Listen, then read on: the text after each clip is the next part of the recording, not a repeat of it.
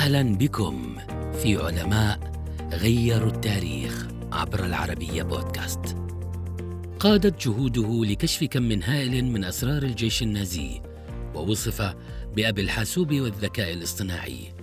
إنه آلان ماتيسون تورنغ المولود في لندن عام 1912 لأب اسكتلندي وأم إيرلندية.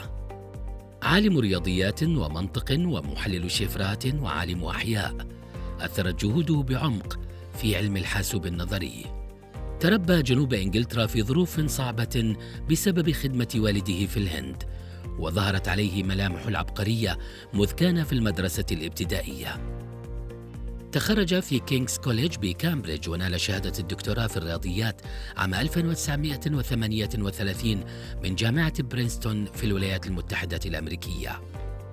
منتصف الثلاثينات نشر ورقة عرفت برهان تونغ. وصفتها مصادر علمية بالورقة الرياضية الأكثر تأثيرا في التاريخ. اخترع بعدها ما عرف بآلات تورنغ وهي نموذج نظري بسيط يحاكي طريقة عمل الحاسوب. عندما احتشدت غيوم الحرب العالمية الثانية في عام 1938 كانت اللحظة الفارقة في حياة تورنغ تقترب.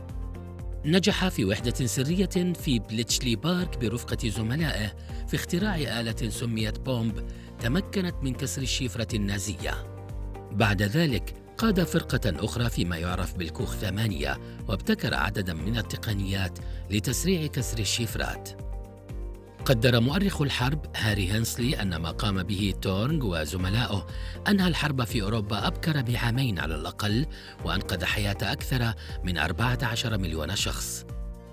ظلت معظم جهوده لعقود طي الكتمان بسبب خضوعها لقانون الأسرار الرسمية. عام 1952 انقلبت حياته رأسا على عقب حيث أدين بالمثلية وخير بين السجن أو الإخصاء الكيميائي.